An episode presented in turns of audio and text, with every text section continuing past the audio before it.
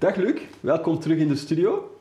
Dag Kevin. Het is even geleden, maar je hebt een nieuw boek uh, uitgebracht. Hè, waarom kleurrijke teams beter scoren. Um, ja, je, je, bent een hele reeks aan het maken hè, met, met boekjes die, die op een heel leuke manier wetenschappelijke inzichten over hoe je beter, werkt, uh, beter samenwerkt uh, op kantoor of in een andere omgeving uh, brengt. Maar waarom specifiek dit boek? Eigenlijk had ik de reeks met dit boek moeten beginnen. Uh, omdat alles staat en, en valt uh, met dus de, de persoonlijkheden in een team en uh, vooral hun sterke eigenschappen. Ook misschien wel ja, rekening houden met, met de, de zwakkere eigenschappen. Um, maar als je dat goed vindt, ga ik beginnen met een, een persoonlijke anekdote. Oké, okay, ja. goed. We stappen terug 20 jaar in de tijd. Uh, en de setting is The Office. Mm -hmm. uh, ja. Door iedereen wel gekend. en dus op een uh, blauwe maandagmorgen stapt onze salesverantwoordelijke in het secretariaat binnen, waar het al de administratieve bedienden samen zitten. En die zegt van, kijk, ik moet dringend naar een klant. En ik heb hier een, een, aantal kopies en er zouden drie mapjes moeten voor maken voor mijn presentatie. En die mensen die op de administratie zitten, die kijken die aan, die zeggen, maar dat dat vrijdag niet kunnen geven. we hebben ons planning voor deze week en nu stapt je er binnen. zoals gewoonlijk, ja, last minute. En dan moeten Ja. we alles laten vallen. Uh, dus ja, discussie. Mhm. Oké, okay, hij vertrekt met zijn mapjes. Uh, dus so far so good. Vijf minuten later staat dus iemand van de administratie bij mij in het bureau en die zegt, dat kan echt niet langer, daar moet iets aan doen. Hij is met niks in orde, nooit. Uh, en wij moeten het altijd wel oplossen. Enfin, ja.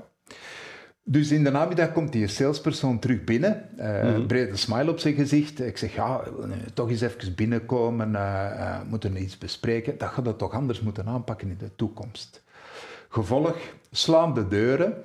Uh, jij het belangrijker, die zaak van een secretaresse, dan die een deal die ik nu zo net weer heb binnengehaald? Uh, als het zo ziet, dan hoeft het voor mij niet meer. Bon. Twintig jaar geleden, daar stond ik. -hmm. Op een zeker moment, een paar weken later, kom ik iemand tegen die dus aan persoonlijkheidstypologieën werkt. Mhm. Mm -hmm. uh, nu, voor mij was dat zo'n beetje, uh, ja, je hebt de waarzeggerij en het kaarten leggen en misschien daar iets boven ja, zitten dus die persoonlijkheidstypologieën. Hè? Jij bent rood en ik ben groen en, en noem maar op. Dus uh, voilà, die overhoudt me. We gaan dat met heel de groep doen. Ik zeg, ja, baat het niet, dan schaadt het niet. Uh, gevolg, de volgende maandag stapt dus de sales terug in het bureau, zo met, met één uh, arm al in zijn mouw, hè, in zijn boekentas. Uh, en die kijkt zo eens rond en, en die zegt zo, hoe is jullie weekend geweest? En dus een van die mensen in de administratie, die roept zo, uh, zeg jij soms op cursus geweest? Ja. Iedereen begint te lachen en het ijs was gebroken. Uh, dus dat was de eerste stap naar wederzijds begrip, uh, waar ik dan later op hoopte eigenlijk dat men uh, meer dan wederzijds begrip van, uh, niet van, van hij is rood, hij kan er niet aan doen, maar oké, okay, hij is rood, hij heeft zijn sterke eigenschappen. Uh, Ja. Hij is heel doelgericht hè, en dan kom je in, in dat verhaal.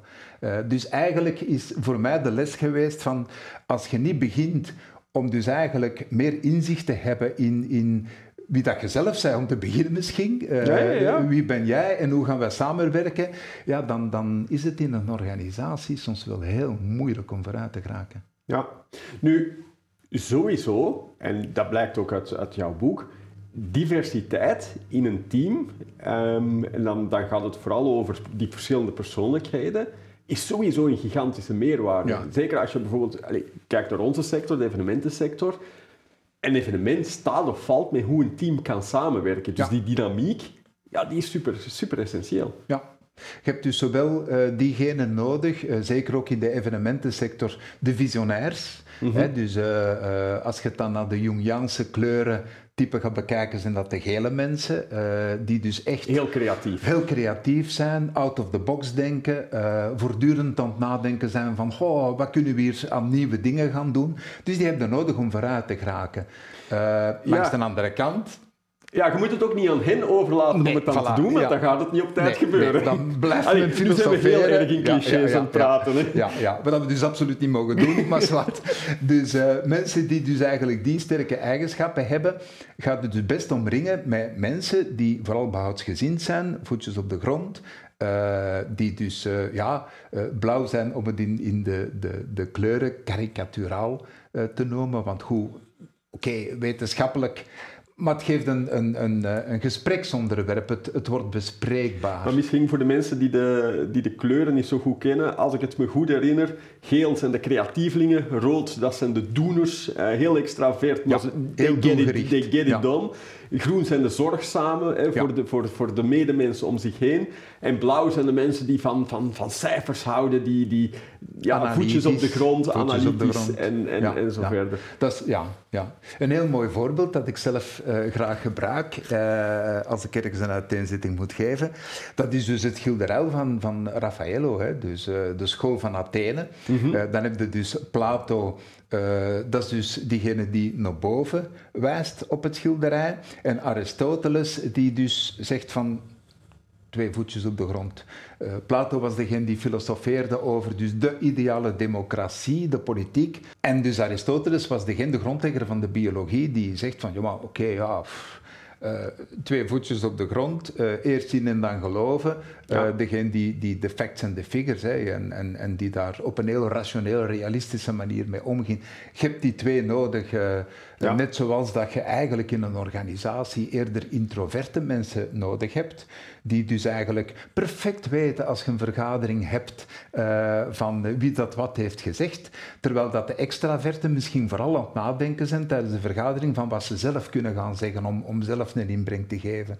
Dus je hebt, je hebt al die uh, typologieën heb nodig uh, met tien verstanden dat, uh, en dat is eigenlijk het voordeel van, van het model dat ik beschrijf in het boekje, Luminas Park. Mm -hmm. uh, heb je enerzijds de, de inzichtelijkheid van de Jungiaanse kleurenmodellen, die zo mm -hmm. vaak worden gebruikt, zijn de meest populaire. Maar langs de andere kant heb je datgene wat dus eigenlijk uh, quasi alle universiteiten, ook in, in Vlaanderen, als dus het, het meest wetenschappelijke benadrukken, dus evidence-based, dat is de Big Five. Ja. Uh, en het model Luminas Park is dus een, een Britse humanist, humanistische psycholoog, uh, Dessen, uh, die dat eigenlijk heeft uitgevonden, combineert de beide. Uh, je kunt zowel extravert als introvert zijn. Ehm, dus je kunt gij, op bepaalde momenten, afhankelijk van de situatie, kun je heel extravert reageren. Uh, Jacques Brel, die op een podium zeg maar openbloeide, uh, maar wel vijf minuten ervoor in de coulissen eigenlijk uh, compleet ziek was, omdat dat op zich een, een heel introverte persoon was. Als we één stapje terugnemen, hè, voordat we er verder over die modellen gaan, gaan praten, ik denk dat we het allemaal eens zijn dat diverse teams belangrijk zijn. Langs de andere kant zorgt die diversheid regelmatig voor, voor wrijving. Je hebt het in jouw anekdote ja, ja. ook gezegd. Um, dat is soms moeilijk. Zeker als je, de, als je de uiterste kleuren, bijvoorbeeld rood en blauw, dat durft wel eens uh, vonken uh, uh, geven. Wat is dan de beste manier om daarmee mee om te gaan? Is dat dan richting zo'n model gaan kijken en dat bespreekbaar helder maken in je team? Of zijn er andere dingen die je moet doen om ja, dat begrip en dat inzicht te creëren binnen dat team, dat het net een meerwaarde is om, en, om die verschillende invalshoeken te hebben. Ja, nu, voor ons, uh, dus twintig jaar geleden, volgens mijn anekdote eigenlijk, uh, ben ik zelf tot scha en schande moeten gaan vaststellen dat, om te beginnen, ik zelf heel, heel rood was, heel doelgericht. Um, en als je dan iets wilt bereiken eigenlijk, uh, ja, dan moet je dus door ervaring gaan vaststellen dat je toch een beetje groene, empathische eigenschappen ergens diep in u moet gaan opgraven uh, ja, ja. om dan überhaupt iets gedaan te krijgen. ja, en dat wil niet, niet per se zeggen dat je dat slecht bedoelt en, en, en, en, en zo verder, maar daarover gaat het net. Daar gaat het over. Dus eerst bij je eigen weten hoe, hoe dat je in elkaar zit en dan kunnen die modellen dus wel, wel degelijk uh, in helpen, zo, zo heeft het mij geholpen, zeg maar, in bange dagen. Ehm, maar dan is het kwestie van dus eigenlijk onder een team... Hè, eh, wie ben ik, wie ben jij en hoe gaan wij samenwerken? Dat is eigenlijk kort samengevat de inhoud van, van de Pocket. En denk ik wel de opdracht voor één ieder die voor een team staat, eh, waar je dus de ideale groepsdynamica wilt uithalen. Ja, nu als we dan even terug de link maken naar de evenementensector, een van de ja, belangrijke pijlers in onze sector is alles wat met teambuilding activiteiten te maken heeft. Wat ik persoonlijk altijd een heel sterke vind, is dit soort oefening hmm. combineren met bijvoorbeeld een teambuilding activiteit. En dat mag fun zijn, hè, een teambuilding activiteit. Maar als je zo'n activiteit ingaat met bijvoorbeeld kennis uit zo'n zo'n zo'n zo'n oefening, daar kan je heel veel van leren. Ik weet niet hoe dat jij er naar kijkt. Ja, Um, dus ik, ik, een teambuilding activiteit mag dus inderdaad niet alleen zijn van we gaan naar Dardennen en we gaan in de touwen hangen en dergelijke. Uh, dat kan zeker zijn, zijn voordelen uh, bieden, uh, maar het moet veel verder gaan. En het is niet met ene keer op teambuilding op een jaar te gaan dat je dit soort van, van opportuniteiten kan aangrijpen. Um, dus eens dat je die oefening hebt gedaan van dus meer inzicht te bieden in uh, wie dat u bent, wie dat ik ben en hoe dat we dan kunnen samenwerken, uh, dan moeten we wel ergens een systematiek uh, doorheen heel het jaar gaan, gaan ontwikkelen, waarbij dat je dus tijdens uw evolutiegesprekken dat terug even vastpakt. Ja. Ehm, het model dat ik beschrijf in het boekje is niet eenvoudig, het is complexer. Jungiaanse modellen met de kleuren zijn eenvoudiger, maar het biedt wel meer, ehm, zeg maar, een stap verder gaan dan, dan uh, jij bent rood of, of ik ben rood, dus ik kan er niet aan doen. Uh, het biedt ook uh, ja, het begrip dat dus je inderdaad alle eigenschappen nodig hebt en, en dat er geen goede of geen slechte eigenschappen bestaan, we zijn wie dat we zijn. Uh, laat ons vooral focussen op het, op het positieve. Uh, het is trouwens ook een humanistisch psycholoog. Uh, soms bestaan er bij sommige organisaties eigenlijk het idee dat uh, dit voor ja, denkers zijn, voor, voor, voor mensen die dus eigenlijk eh, ehm, een job hebben die dus enkel voor hoogopgeleiden, terwijl dat het tegendeel waar is. Dus ongeacht de, de, de, de afkomst, uh, ongeacht het diploma dat men heeft of mhm. geen diploma dat men heeft, uh, is dit model echt wel ja. broodnodig eigenlijk om vooruit te komen in een team. Oké. Okay. Mensen die meer willen weten over het onderwerp kunnen natuurlijk jouw boek kopen.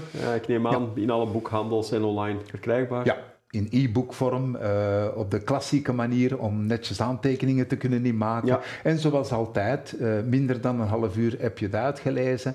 En dus zowel de theorie zeg maar, als inleiding wordt gekoppeld aan de praktijkvoorbeelden uit de bedrijfswereld. Ja, het is mooi om de reeks uh, te vervolledigen. Hè? Ja, voilà. Zoals ik zei, dat eigenlijk het begin moeten zijn. Mijn excuses, maar goed, het is ervan Je kunt gekomen. hem nog altijd op de eerste plek in je ja, boekenreek voilà. zetten. Uh, u beste kijker, bedankt voor het uh, kijken. En Luc, bedankt voor jouw constante Heel graag gedaan.